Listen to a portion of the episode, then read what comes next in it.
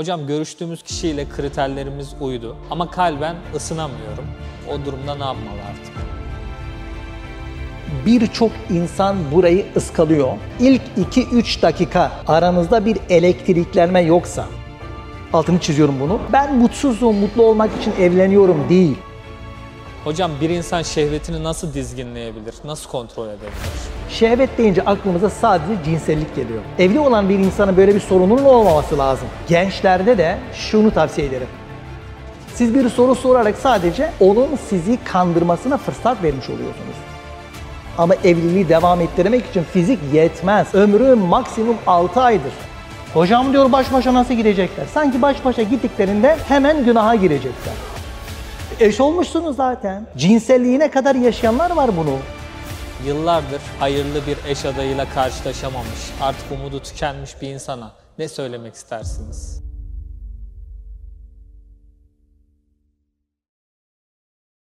Evet arkadaşlar merhaba. Bugün çok değerli bir konuğumuz var. Psikoloji alanında yüksek lisans, davranış bilimleri alanında ise Amerika Conley Üniversitesi'nde doktora yapmış Ferhat Aslan'la bugün beraberiz. Hocam öncelikle davetimizi kabul ettiğiniz için teşekkür ederiz. Size bugün aile ve insan psikolojisi hakkında bazı sorular hazırladık. Hem kendi ekibimizle oluşturduğumuz hem de takipçilerimizden sık sorulan sorular üzerine. İsterseniz vakit kaybetmeden başlayalım hemen. Başlayalım inşallah. Hocam bir insan evliliğe hazır olduğunu nasıl anlayabilir? Sizce ideal yaş var mıdır? Bir şeye hazır olmak demek o şey ne kadar istediğinizle, arzuladığınızla alakalıdır. Mesela öğretmen olmak, doktor olmak. Öylesine olmazsınız. Hayallerini kurarsınız, beklenti içine girersiniz ve arzulamaya başlarsınız. İşte bunu arzuladığınızda ben böyle bir şey talibim anlamı çıkar. Sonra öğretmen olmak istiyorum, ben evlenmek istiyorum. Arzuladık, güzel. İkinci adım şu. Peki ben bir evlilik ilişkisini kaldırabilecek durumda mıyım? Onu soruyoruz kendimize. Evet, onu kaldırabilirim. Sonra benim evlilikte beklentim ne? Niye evleniyorum ben? Yani birisini gördüm, aşık oldum, kaptırmamak için, kaçırmamak için mi? Yoksa benim aslında hayatımda ben mutluyum, altını çiziyorum bunu. Ben mutsuzum, mutlu olmak için evleniyorum değil. Ben mutluyum, daha mutlu olmak için ve kendi fıtratımın, yaratılışımın gereği olarak kendimi tamamlamak için ve birini de tamamlamak için. Çünkü evlilik iki karşı cinsin birbirini tamamlamasıdır. İkisi bir araya geldiğinde tamamlar, eksikliklerini gidermeye başlarlar ve daha mutlu bir birey, daha mutlu bir aile ortaya çıkmaya başlar. İşte siz eğer bu atmosferin içindeyseniz demek ki evet ben şimdi artık evlenebilirim modundasınız. Yaş konusu ihtilaflı bir konu onu söyleyeyim. Yani yaşla ilgili ya 18'inde de evlenebilir diyenden tutun 30'unda da evlenebilir diyenler olabilir. O yüzden ben onların düşüncelerine saygı duyuyorum. Ama ben kendi mesleğimde tecrübelerimle bu asırdaki gençlerin psikolojik, kültürel, zihin yaşını dikkate alarak, ekonomik durumunu da dikkate alarak ille bir yaş söylemek gerekirse 3 aşağı 5 yukarı 22-23 yaş bayanlar için 25 yaş 24 25 26 yani 22 23 24 bayanlar 24 25 26 civarında da erkeklerin yaşı olabilir diye düşünüyorum. Hocam peki evlilik öncesi eşler, eş adayları birbirlerini flört etmeden tanıyabilir mi? Yani flörtün haram olduğunu biliyoruz ama görücü usulü doğru mu ya da ölçüsü nedir? Çok tartışılan bir konu, uzmanlar da bir araya geldiklerinde tartıştıkları bir konudur. Bizim ülkemizde tanışmanın üç tane yöntemi var. Biri çok gerilerde kalmış, kesinlikle yanlış bir yöntem olan, çiftler birbirini hiç görmeden, annelerin ve babaların görmesiyle ve kararıyla meydana gelen evlilikler. Bu asla doğru olabilecek bir tarafı yoktur. Ne bilimsel açıdan ne de dini açıdan bunu destekleyecek bir delil elimizde söz konusu değil. İnsanın doğası da bunu kaldıramaz. Ama yarı görücü usulü dediğimiz bir yöntem vardır ki birileri tavsiye eder, birileri size bildirir, siz gider görüşmeye başlarsınız. Diğeri de flört yöntemi dediğimiz yöntem. Bu ikisini tahlil edelim. Birincisini attık, tam görücü usulü dediğimizi attık. O olmaz zaten. Yarı görücü flört tartışılıyor şu anda. Şimdi yarı görücüde de bir takım sıkıntılar var. Kız bir odada, oğlan da geliyor aynı odada. Kızın ailesinde oluyor genelde. Erkek kızın ailesine gidiyor annesiyle, ablasıyla, kardeşiyle ve tek başına. Kız oğlan bir odada oturuyorlar. Odanın kapısı açık veya kapalı. Genelde açık tutuluyor. Muhafazakar kesim buna daha çok dikkat ediyor. Ve sonra onlar orada konuşuyorlar. Soru soruyor, cevap veriyor. Bir saat, iki saat, üç saat neyse bir tek görüşmenin tek başına yeterli olmadığını söyleyebilirim. Bu bir. İki, karşılıklı sizin gibi böyle oturup yapılan bir görüşmenin faydalı bir görüşme olduğunu düşünmüyorum. Deneyimler, bilimsel verileri de paylaşacağım. Neden? Çünkü şu anda hali hazırda biz ikimiz konuşuyoruz ya. Bakın ben takım elbisemi giymişim. Doğru mu? Şık giymişim. Siz saçlarınızı taramışsınız, sakallarınızı taramışsınız ve şu anda bilinçli olarak benimle bir iletişime geçiyorsunuz. Benim şöyle durmam lazım diyorsunuz. Ben de benim de böyle durmam lazım. Benim sürekli size bakmam lazım. Kameraya bakmamam lazım. Su alacağım. Şu anda almamalıyım. Çekim arasında almam gerekiyor. Bakın kendime çeki düzen veriyorum. Yani ben aslında şu anda yapay bir ilişki içindeyim. Siz de yapay bir ilişki içindesiniz. Ben şu anda sizi tanıyamam. Sizin şu anda burada bir saatlik yaptığımız çekimle beni tanımanız mümkün değil. Çünkü ben bilincimle kişiliğimi yani gerçek kişiliğimi örtüyorum. Bilinç altımı örtüyorum. Biz seninle burada 5 saatte konuşsak bir şey değişmeyecek.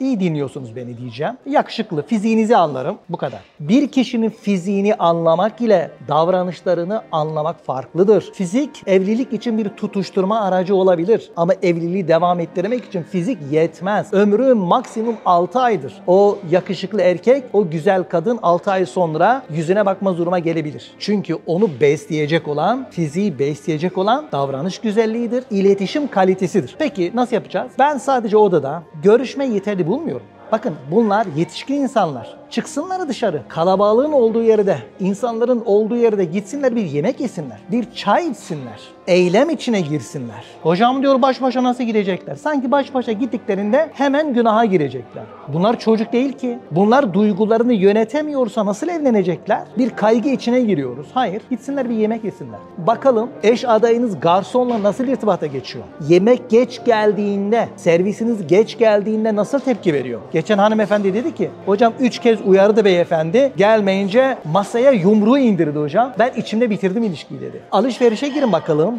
Kasiyerde nasıl konuşuyor? Bir ürünü seçerken ne yapıyor? Hatta şunu yapın. Beraber deyin ki ya benim şurada bir işim var. Biz beraber girebilir miyiz oraya? Mağazaya girersiniz. Sen orada bir alışveriş yap hanımefendi. Bakalım senin tercihine müdahale ediyor mu? Beyefendi sen bir alışveriş yap bakalım. Senin tercihine müdahale ediyor mu? Ya ne gerek var onu aldın mesela? Ya çok pahalı değil miydi? Yani sen böyle şeyleri alır mısın? Hatta böyle doğal halinizle almanız gereken şeyleri alın.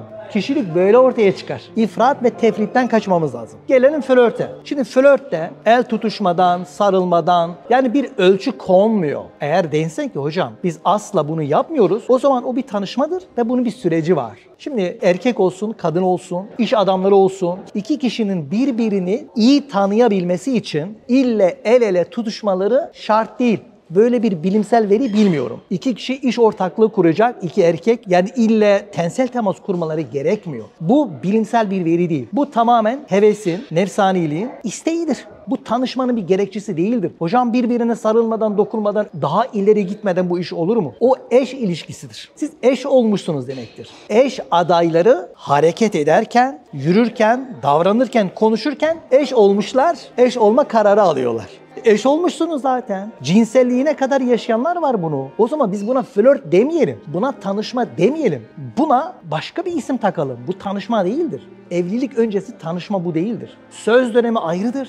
Nişan dönemi ayrıdır. Evlilik dönemi ayrıdır. Nişanlı olsanız dahi sizin ille birbirinize sarılmanıza, dokunmanıza gerek yok. Çünkü bu ilişki her an bitebilir. O yüzden flört dediğimiz şey Buysa eğer bunu doğru bulmuyoruz. Bilim de bunu doğru bulmuyor. Peki ne kadar süre devam edilecek? Yine altını çizeceğim çok önemli bir konu. Aylarca geziyorlar. Aylarca dolaşıyorlar. Aylarca görüşüyorlar. Duygusal olarak birbirine bağlanıyorlar. Duygular birbirinin içine girif dolmuş. Bir bitkinin, bir ağacın toprağa kök salması gibi. Sonra bir taraf diyor ki olmuyor. Bir taraf istemiyor. Sonra ağlamalar, sızlamalar, depresyonlar, bunalımlar, intihar teşebbüsleri.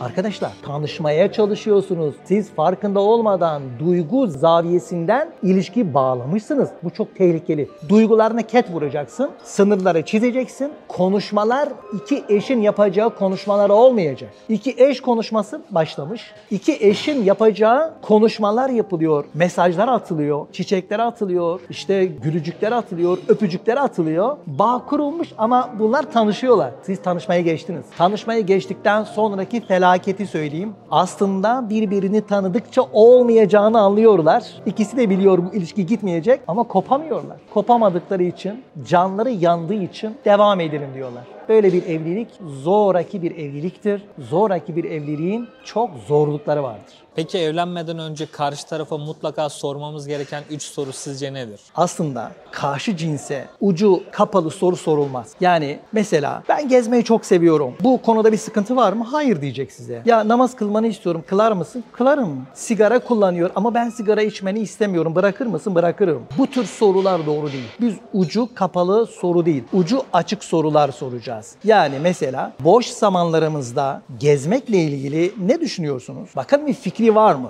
Yani düşün bilmiyorum ki. Ya gezmek iyi bir şeydir. Ha belli ki bu adamın dünyasında bu konu yok. Dolayısıyla biz kapalı sorular sorduğumuzda biz aslında kendi kendimizi aldatmaya dönük sorular sormuş oluyoruz. O yüzden soruların tümü ucu açık olacak. Ne konuşacağız? Havadan sudan konuşacaksınız. Ne demek? Mesela deyin ki bugün hava çok güzel. Bakalım ne diyecek size? O da diyecek ki muhtemelen diyecek şeyler var. Mesela hı hı, güzel dedi. Bu adam paylaşmayı bilmiyor. Ve bu kadın paylaşmayı bilmiyor. Ketum diyoruz biz buna. Veya evet evet hava çok güzeldi ama insanlar değerini bilse dedi. Eleştirel. Veya şöyle söyledi. Ya hava güzel de para mı var çıkıp dolaşacağız bakacağız. Yine şikayetçi.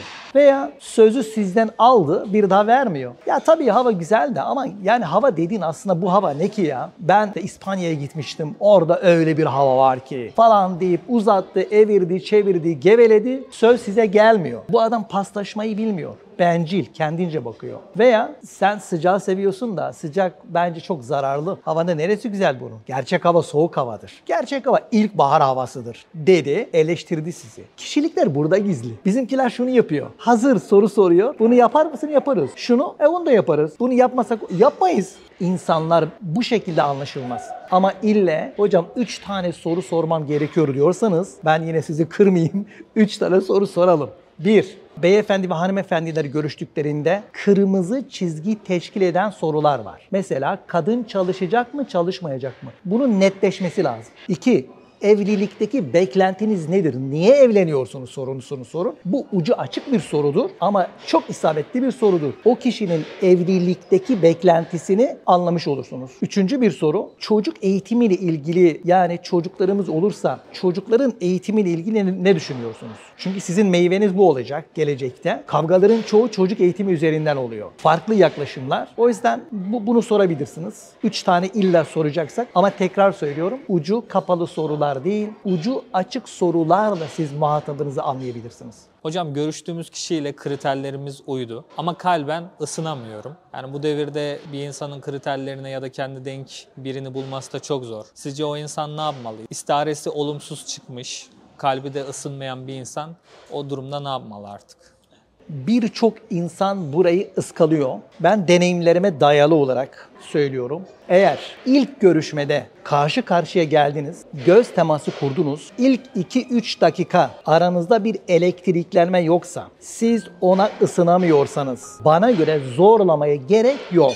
Artık ondan sonrası mantık evliliği olur. İkinci kez görüşelim. Biraz ısındım gibi sanki. Üçüncü kez bu defa baskılar da var. Kızım sen onun kimin oğlu olduğunu biliyor musun diyor. Oğlum kimin kızı biliyor musun yavrucuğum? Böyle bir aile ele geçmez. Böyle bir aileyi kaçırma yavrum. Böyle bir aileyi kaçırma evladım gibi baskılar sonucu kişi bu defa gerçekten ısındı mı ısınamadı mı bunu karıştırıyor birbirine. Çünkü ısınması gerekiyor. Öyle bir mahalle baskısı var ki kıza oğlana ısınması gerekiyor.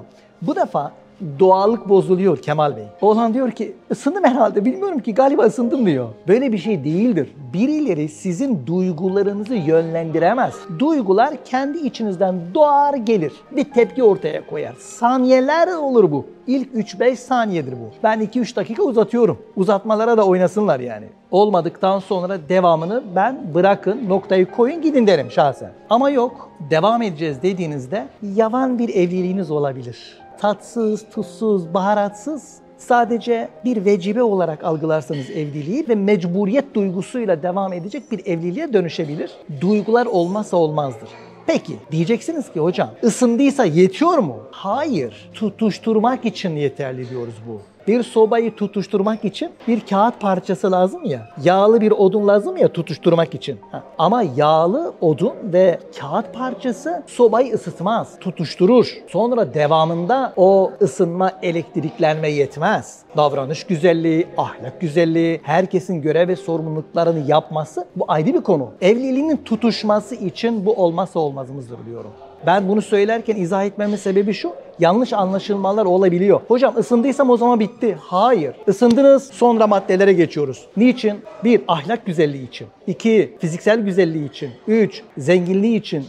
Dört, asaleti için. Bu kriterler sonra devreye girecek. Önce ısınma, sonra kriterlere bakarsın. Peki hocam yıllardır hayırlı bir eş adayıyla karşılaşamamış, artık umudu tükenmiş bir insana ne söylemek istersiniz? E, Bunlar çok nadirdir onu söyleyeyim. Yıllardır bir eş adayı demiyorsunuz, hayırlı bir eş adayı diyorsunuz. Şimdi bir kere eşin hayırlı olup olmadığını önceden kestiremezsiniz. Eğer mükemmeliyetçi ise bu kişi işte tam hayırlı bir eşim olacak. Tam hayırlı bir eşim olacak. Bu da uyuyacak, şu da uyuyacak, bu da uyuyacak. Böyle sipariş verir gibi yani boyu, eni, işte kilosu bilmem neyi ürün siparişi verir gibi böyle bir şey olmuyor. Siz ana hatlarıyla duygular ısınma meydana geldi. Sizin temel kriterleriniz oturmaya başladıktan sonra siz artık bu işi uzatmayacaksınız. Yani %70, 75, %80 eğer uyum varsa bu iş tamam. Başka bir şey. Siz her şey tamam dediğiniz halde yine sıkıntılı bir evliliğiniz olabilir. Daha doğrusu çok sıkıntılı bir evliliğiniz olabilir. Çünkü her evlilikte sıkıntı vardır. Yani o eşin, o hayırlı eş ne demek? Onu biz biz de bilemiyoruz ki. Yani ben nasıl bir kadınla, ben nasıl bir erkekle geçineceğim? Onu gerçekten bilmiyorum ki. Veya nasıl bir erkek bana iyi gelir? Nasıl bir kadın bana iyi gelir? Sizin bir öngörünüz vardır ama o tutar mı tutmaz mı onu sen de bilemezsin. O yüzden biz ana hatlarıyla temel konulara da uyuşabildiksek yapalım. Eğer değilse mükemmeliyetçi bir arayışınız varsa evde kalırsınız. Sonra şuraya gelirsiniz. Artık e, üçüne beşine bakmadan boyuna enine bakmadan balıklama atlarsınız daha kötü olur bu. Veya hocam yani ben beğeniyorum ama karşı taraf beğenmiyor, karşı taraf onay vermiyor diyorsanız o zaman kendinizi bir gözden geçirin. Siz bu görüşmelerde ne yapıyorsunuz? Yani potlar mı kırıyorsunuz? Artık değişik bir enerji mi yayıyorsunuz? Usubunuzu değiştirin veya kendinizi bir değiştirin. Bakış açınızı değiştirin. Evlilikle ilgili beklentilerinizi değiştirin. Sorularınızı değiştirin. Çünkü sizden kaynaklı karşı taraf kaçıyor olabilir. Hocam bir insan şehvetini nasıl dizginleyebilir, nasıl kontrol edebilir? Şehveti tanımlayalım. Şehvet yaşam enerjisidir aslında. Şehvet deyince aklımıza sadece cinsellik geliyor. Şu anda bizi buraya getiren, sizleri buraya getiren, böyle bir çalışmayı bize yaptıran duygunun arkasında şehvet denen enerji var. Biz buna himmet diyoruz eskiler. Himmet yani bir topluma, bir millete, insanlığa hizmet etme arzusu. Bunun da arkasında şehvet vardır. Şehvet sadece evlilikte kullanılmaz. Şehvet ideallerinde kullanılır. Adam idealiyle evleniyor.